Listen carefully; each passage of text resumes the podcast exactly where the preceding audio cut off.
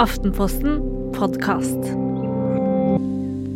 Hei og velkommen til en ny episode av podkasten Foreldrekoden. Og Hedvig Montgomery, vet du hva et av de første autogenererte spørsmålene som kommer opp når man googler mat på internett?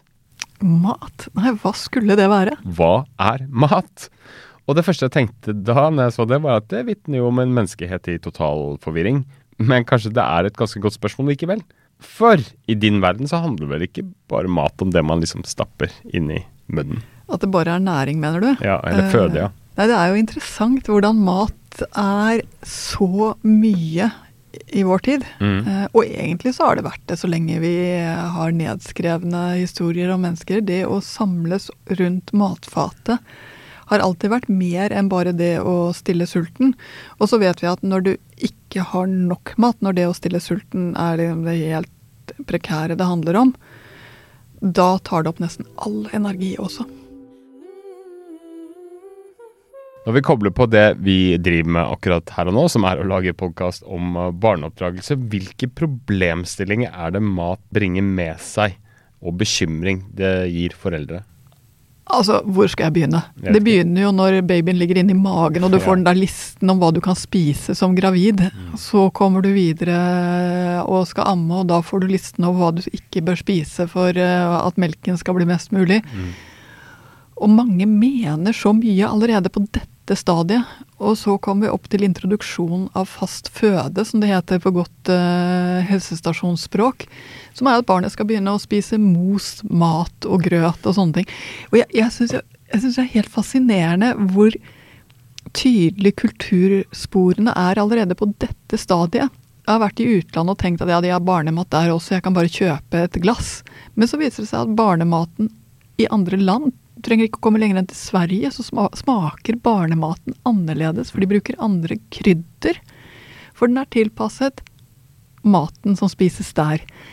Så mat er tydelig en ting som man både mener mye om, som mange mener mye om. Og så kommer du til det evinnelige at man vil ha et barn som spiser alt. Det er et av de første ønskene som førstegangsforeldre har. Det er at de vil ha et barn som ikke er kresent. Eh, googler du det, så kommer du til å få veldig mange råd. Og jeg må vel dessverre si det er ikke sikkert at et eneste ett av dem fungerer på akkurat ditt barn. Fordi barn er så forskjellige i hva de spiser, hvordan de spiser, hvor mye de spiser. Noen sitter nede og koser seg med maten, mens andre må den nesten øh, lure mat til mens de løper for at de skal få i seg næring i det hele tatt, for de har ingen interesse for det. Så spennet er så stort på hvordan hvert enkelt barn forholder seg til mat når de begynner å, å spise selv. Og ma sitter ved spisebordet og spise som en familie sammen. Du har jo barn i barnehagealder. Um, du vet jo omtrent hvor lenge den middagsroen varer i en gjennomsnittlig barnehagefamilie.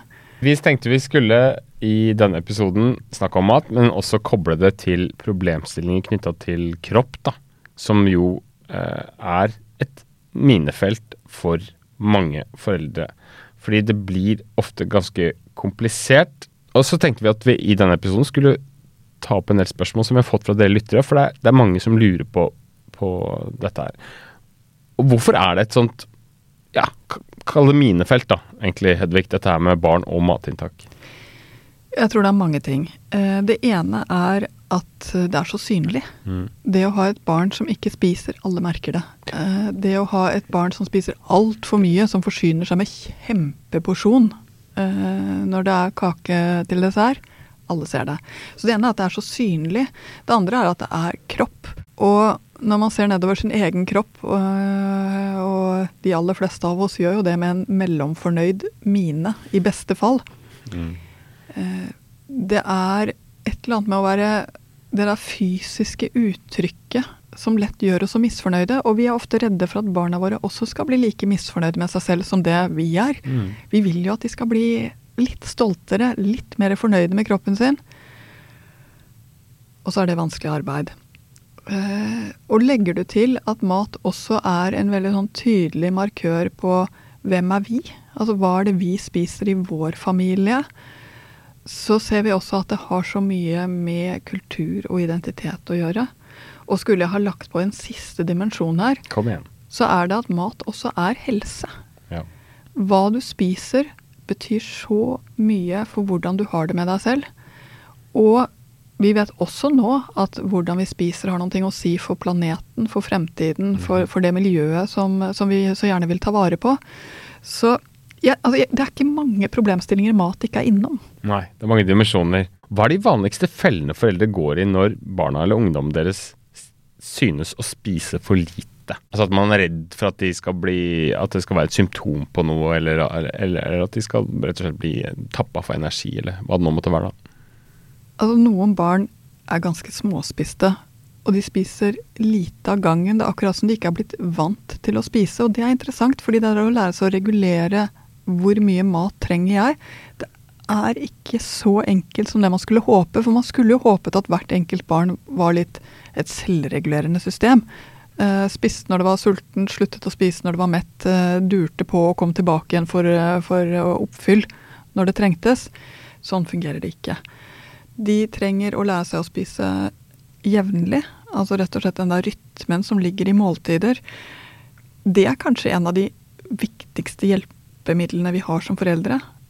Er nettopp rytmen som ligger i måltider. At det er jevnlig, at det er til omtrent samme tid, at barna blir vant til når den maten kommer. Og så må jeg si at de mindre barna trenger mat innimellom. Eh, det som på godt svensk heter mellommåltid. Eh, som er den der lille tingen som du får når det blir for lenge til neste måltid. Og de småspiste barna har veldig behov for mellommåltid. De har veldig behov for eh, den der lille tingen de får uten at man setter seg ned og spiser alle sammen. Hva er det for noe som er den store fellen når man har et småspist barn? Det er å begynne å mase. Spis litt til. Ja, men ta én skje til nå. Ja, men nå har du spist for lite. Og det må jeg bare si, her har jeg syndet mye selv. Fordi man blir litt oppgitt over at barnet ikke spiser nok eh, til at han eller hun orker. Og du vet hvor viktig det er at det går nok mat inn til at ikke alt er eh, tappet ut ved første korsvei. Mm. Men denne masingen her gjør bare at det går enda mindre inn i neste runde, og runden etter der, og runden etter der. Mm. Det er rett og slett en spiral som ikke kommer til å gå et godt sted. Så hvis du har et barn som spiser litt lite, bedre at du da er forberedt på å stikke til et knekkebrød allerede om en time. Ok, Eh, eh, så ikke under noen omstendigheter si eh, smak litt på dette, kom igjen, eh, sånne ting. Det er ikke mye rom for å, å dytte på mer. Jo eldre barnet blir, kan det være litt mer sånn Er du sikker på at du er mett? Hvis svaret er ja, ok. For dette er noe med å lære seg å kjenne etter. Og når vi hele tiden tar og dytter på med litt til, litt til, litt til, så gjør de nesten det motsatte. Det er litt som når noen eh, spør for mye om noen ting. Til slutt så vil du ikke svare. Du blir liksom intervjua i hjel. Uh, og det er litt det samme som skjer med småspiste barn som får for mye påpekninger om at de burde ha spist litt til, at det fortsatt er mer igjen på tallerkenen osv. Mm. Når hvis man mistenker at dette har med, med noe annet å gjøre, da, at, ikke, eh, at ikke man er småspist, men at man vegrer seg for å spise fordi man ikke vil bli tjukk, f.eks. Mm.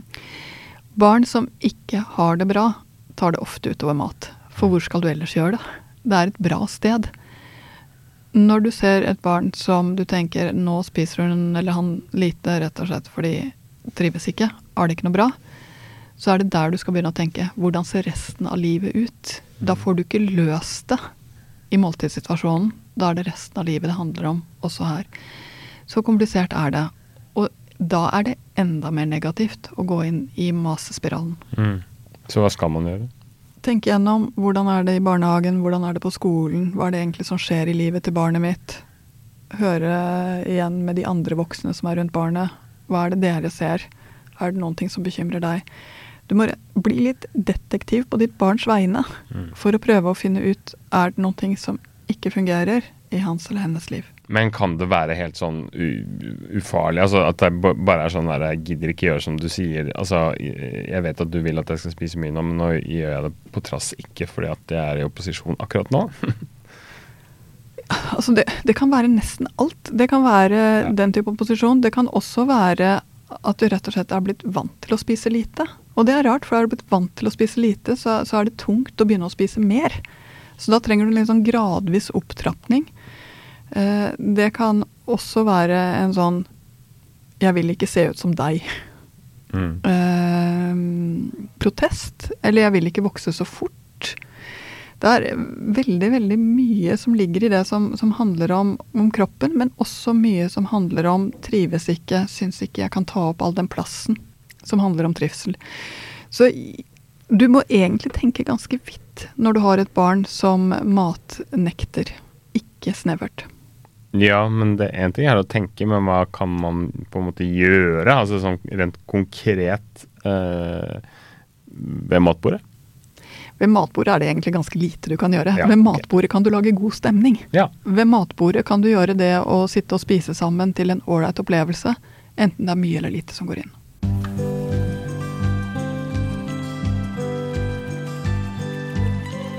Hva med motsatt Altså, For å bringe inn dette fellebegrepet igjen. Hva er det vanligste fellene å gå i når man syns kanskje at barna forsyner seg vel mange ganger, og at de kanskje begynner å legge seg ut og bli litt kvapsete her og der? Hva, hvordan, hvordan, kan man formidle det uten at det blir negativitet?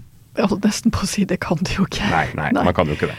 Eh, og tenk på det selv når du sitter og koser deg med mat, og noen kommer og sier Er ikke det der tredje porsjonen? Eh, så kjenner du jo stikket i eh, kroppen bare jeg sier det. Stikket i hjertet. Så eh, jeg tror at hvis du har et barn som spiser Som er veldig glad i mat, og det er det virkelig en del barn som er, mhm. og, og i faser også veldig glad i mat. Det rare er at når du ser på hvordan barn spiser gjennom et år, så, så, kan det faktisk svinge ganske mye fra periode til periode. Så de kan gå inn i perioder hvor de er slukhalser, for så å være i perioder hvor de er ganske forsiktige, uten at det er noe som helst unormalt i det. Det er bare sånn det er. Men det er noen ting det er viktig å være klar over. Det er at det er vi voksne som har oversikten over hva slags mat vi lager, hva vi setter på bordet, og hvor mye vi har laget i gryta.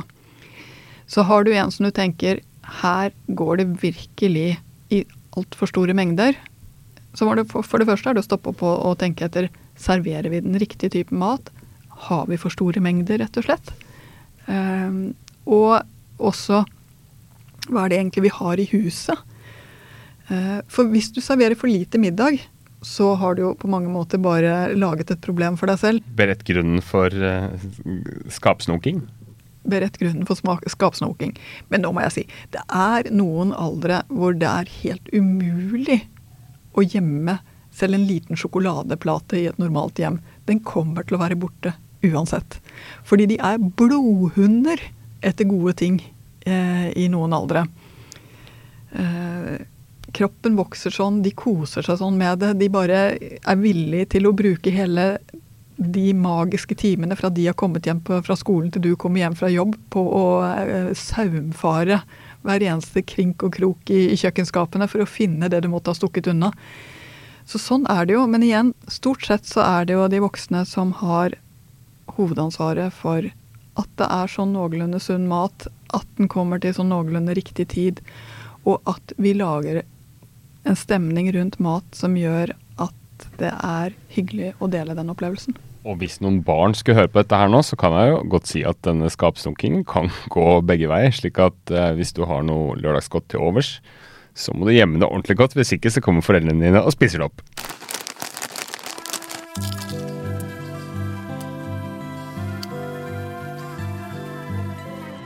Vi tar noen eh, spørsmål vi har fått inn fra lyttere, Hedvig. fordi har vi faktisk fått en del av knytta til dette temaet. Og da er det en mamma som spør eller først så sier hun at hun har to gutter på 13 og 15 år som begge er aktive. Liker å spille ballspill og liker å gå på treningssenter. Og der på treningssenteret fanges fokus på kropp og kroppsbygging opp. Og vi ser, skriver hun, en endring i tankegangen. Nå handler det mye om, om muskler, om å makse, om å benke mest mulig. Og hun ser også at de ser mye på videoer dette på TikTok og andre kanaler. Og det er press på proteinpulver og så videre og så videre. Så skriver hun at vi foreldre mener at vi gjennom maten får det vi trenger for å fungere i trening og ellers, som hun sikkert har rett i. Så det hun egentlig lurer på, er hvor går grensa for sunt og usunt fokus på kropp, når du hører den bakhistorien der? Nå må jeg si at gutter på 13 og 15 spiser mye. Eh, de spiser mye mer. Jeg husker det tilbake igjen fra min egen uh, ungdom også, hvordan gutter i denne alderen kunne nærmest spise ikke bare tomt uh, et helt kjøkken, men også en hel butikk. For de var så sultne. De vokser så enormt. Så det ene er å være klar over at denne sulten er virkelig, og spesielt hvis de er litt aktive, absolutt den hører alderen til. Men så kommer dette når er det det går fra å være ungdomssult til å bli en spiseforstyrrelse? eller til å bli en kroppsforstyrrelse. Og mye trening, treningssenter, muskelpresset, er for mange gutter det, kropps, eh, det jenters modellpress er. De strekker seg mot et ideal som ikke har noe med sunnhet å gjøre, som ikke har noe med uh, en fungerende kropp å gjøre, men et skjønnhetsideal som til og med kan være litt forstyrret. Så disse guttene høres ut som de er i noen miljøer hvor synet på hvordan en kropp skal se ut, er ganske smalt. Mm. Kanskje for smalt. Og vet du hva? Det tror jeg det er ganske viktig å snakke med gutter i den alderen om. Og si at ja, det er en del som blir veldig opptatt av å få de der gigantmusklene, og som er villige til å gjøre hva som helst for det. Det er det ikke verdt. Jeg tror du må være så ærlig at du viser kortene dine, at du kan snakke litt om doping, at du kan snakke litt om det å lage et helt liv som bare handler om muskler, og hvor lite levverdig det livet på et eller annet tidspunkt blir. Fordi det er en risiko for gutter at de havner i nettopp denne kroppsforstyrrelsen hvor det bare handler om utseende. Det er ikke noe godt liv å leve. Men uh, Gjør det inntrykk da, når foreldre skal snakke med sine sønner på, i 13 og 15 år uh, om uh, et sånt type tema, når de har helt andre forbilder, kanskje i anførselstegn, å strekke seg mot? Ja, det gjør det. Mm -hmm. Hvor du kommer fra betyr noen ting. Eh, og foreldres mening betyr mer enn det vi kanskje tenker. Men vi må på en måte vise frem de kortene. Og vi må også være klar til å ta den lille diskusjonen. Uh, jeg hadde nok ikke kjøpt proteinpulver til mine barn uansett. Fordi det er ikke en del av det et kosthold som en, en kropp i vekst trenger. Men det som sikkert mange kanskje sliter med, er hvordan man skal si det. på en måte, For det letteste man kan gjøre, er å ty til sånn slags form for skremselspropaganda eller, eller sånn type 'Vet du ikke at det kan skje?' osv. Uh, hvis du gjør det og det. Eller hvordan blir liksom riktig anlagt tone for det? Jeg tror jeg tar det på alvor, vet du hva skjønner så godt at, uh, at, du trener mye. Jeg ser jo hvor sterk du blir. Men vær klar over én ting. Det er litt sånn som jeg, med jenter og sminke. Passe mye er fint, altfor mye blir ikke noe fint. Altså Finn et eller annet bilde som de klarer å relatere seg til. Fordi det er jo det som er realiteten her. Trening opp til et visst punkt er fantastisk bra. Det er over det punktet det blir farlig. Interesse for mat opp til et visst punkt er fantastisk bra. Det er over det punktet det blir feil.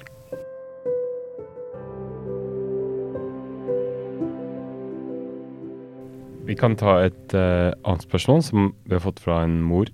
Jeg vet ikke om hun har et problem engang, men hun har en sønn på snart åtte år som er en skikkelig gourmet. Som liker alt, spiser sunt og liker å lage mat, men spiser veldig, veldig mye. Og så begynner han å legge på seg, og så skriver han at de begrenser usunn mat. Uh, men jeg syns det er vanskelig å begrense inntaket av vanlig sunn mat. Særlig når lillebroren er kresen og mager. Hvordan balansere dette uten å ødelegge den fine matgleden hans, lurer hun på da. Det er så utrolig vittig at du har to barn, og hvor det ene vil spise hele tiden, og det andre vil helst ikke. Og så er du mest bekymra for det som ikke vil spise. Og så plutselig så har man en situasjon hvor, eh, hvor det blir skjevt i familien. Men for det første så tror jeg vi snakker for mye om sunn og usunn mat. Mat er mat. Eh, jeg tror vi blir for opptatt av å si nei, vi spiser ikke godteri, dermed allting greit. Det er ikke helt riktig. Klarer dere å holde dere til at maten kommer i disse porsjonene, altså måltidene?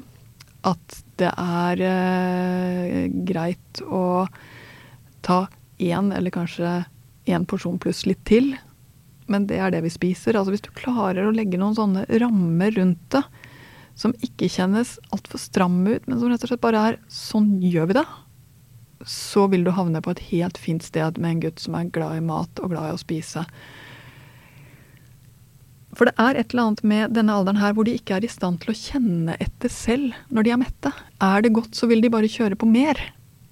Mm. Men det er ikke lurt å bare kjøre på mer allikevel. Og på samme måte som jeg sa at barn som spiser veldig lite, til slutt så, så er det tungt å spise for at det kjennes liksom Det sprenger litt grann på når du spiser. Så er det også det at barn som har blitt vant til å spise veldig mye, de kjenner jo fortsatt at det er mye plass igjen. Mm. eh, når de egentlig har spist vanlig mye. Så man må trappe det litt ned. eh, og ta det litt gradvis til et nivå hvor det er passe mengder mat. Og det er det et voksenansvar å se på. Et lite tilleggspoeng som hun også understreker, er at hun selv erfaring denne moren har selv erfaring med å være litt for stor som barn og har hatt noen ubehagelige opplevelser med det, og vil helst ikke at sønnen skal oppleve det samme. Eh, og det, sånn er det vel kanskje ganske mange som har det. Veldig, veldig vanlig. Og det er to grunner til det. Det ene er at dette er ganske arvelig. Mm. Så, det er, så hvis hun var litt mer omfangsrik som barn, og så strakk seg utover, så er det mest sannsynlig at det er det som kommer til å skje med gutten hennes også. Altså genetikken styrer mye. Men det andre er at vi vil jo beskytte barna mot det vi selv opplevde som vondt. Kanskje spesielt det vi selv opplevde som vondt.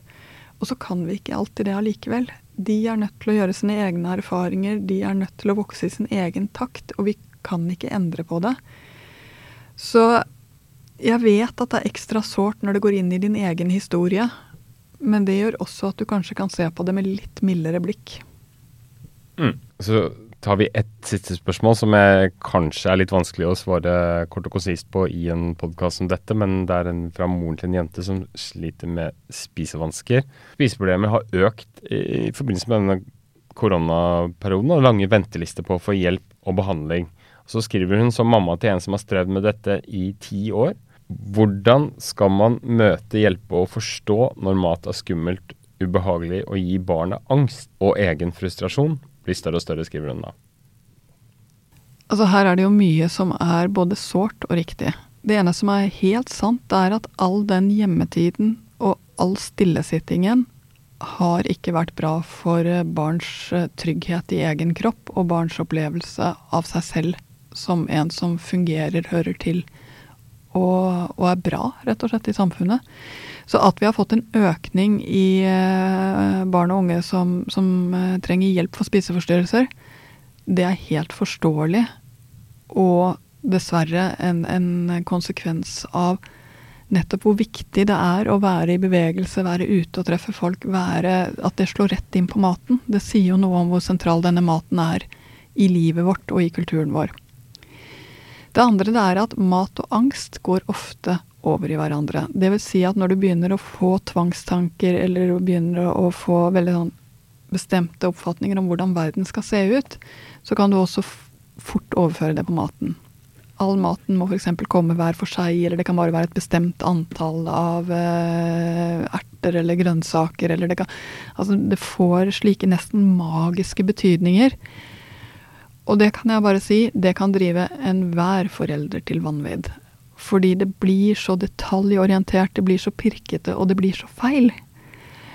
Men hvis du begynner å påpeke at det er feil, eller hvis du begynner å gjøre maten til en kamparena, så har du tapt. Så spørsmålet når skal vi søke hjelp? Hurtigsvaret på det er når maten blir en kamparena, så må dere snakke med noen utenforstående. Fordi når maten blir kamp, så vil barnet tape på et eller annet tidspunkt. Det har vi rett og slett ikke råd til.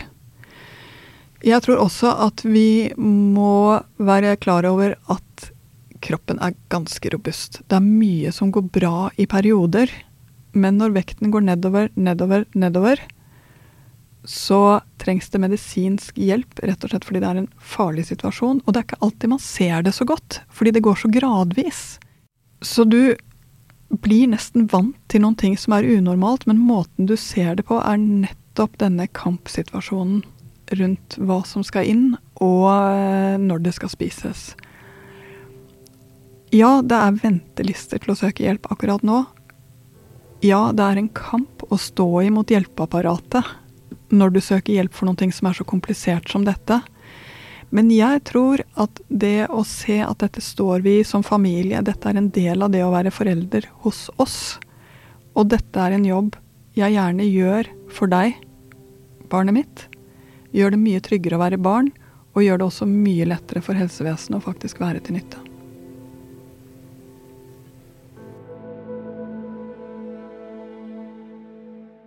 Du har vært inne på i ulike sammenhenger at uh, foreldre i størst mulig grad bør unngå å kommentere barnas uh, kropp.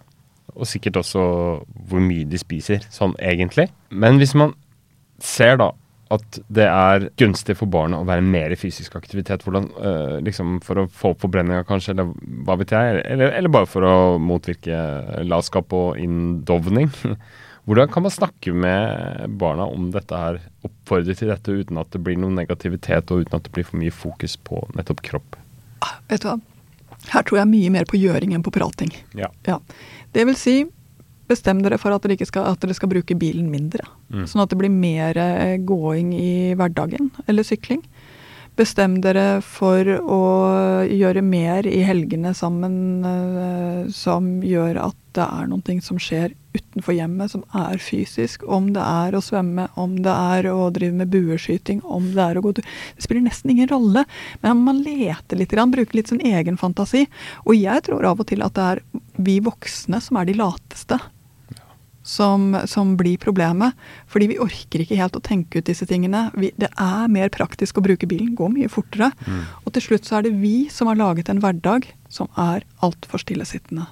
Barn trenger både sunn mat, god mat og aktivitet. Og det er vår oppgave å legge til rette for det, ikke å snakke om det. Så man glemmer seg selv som forbilde ofte? Man glemmer rett og slett seg selv, både at man er forbilde og den som legger rammene.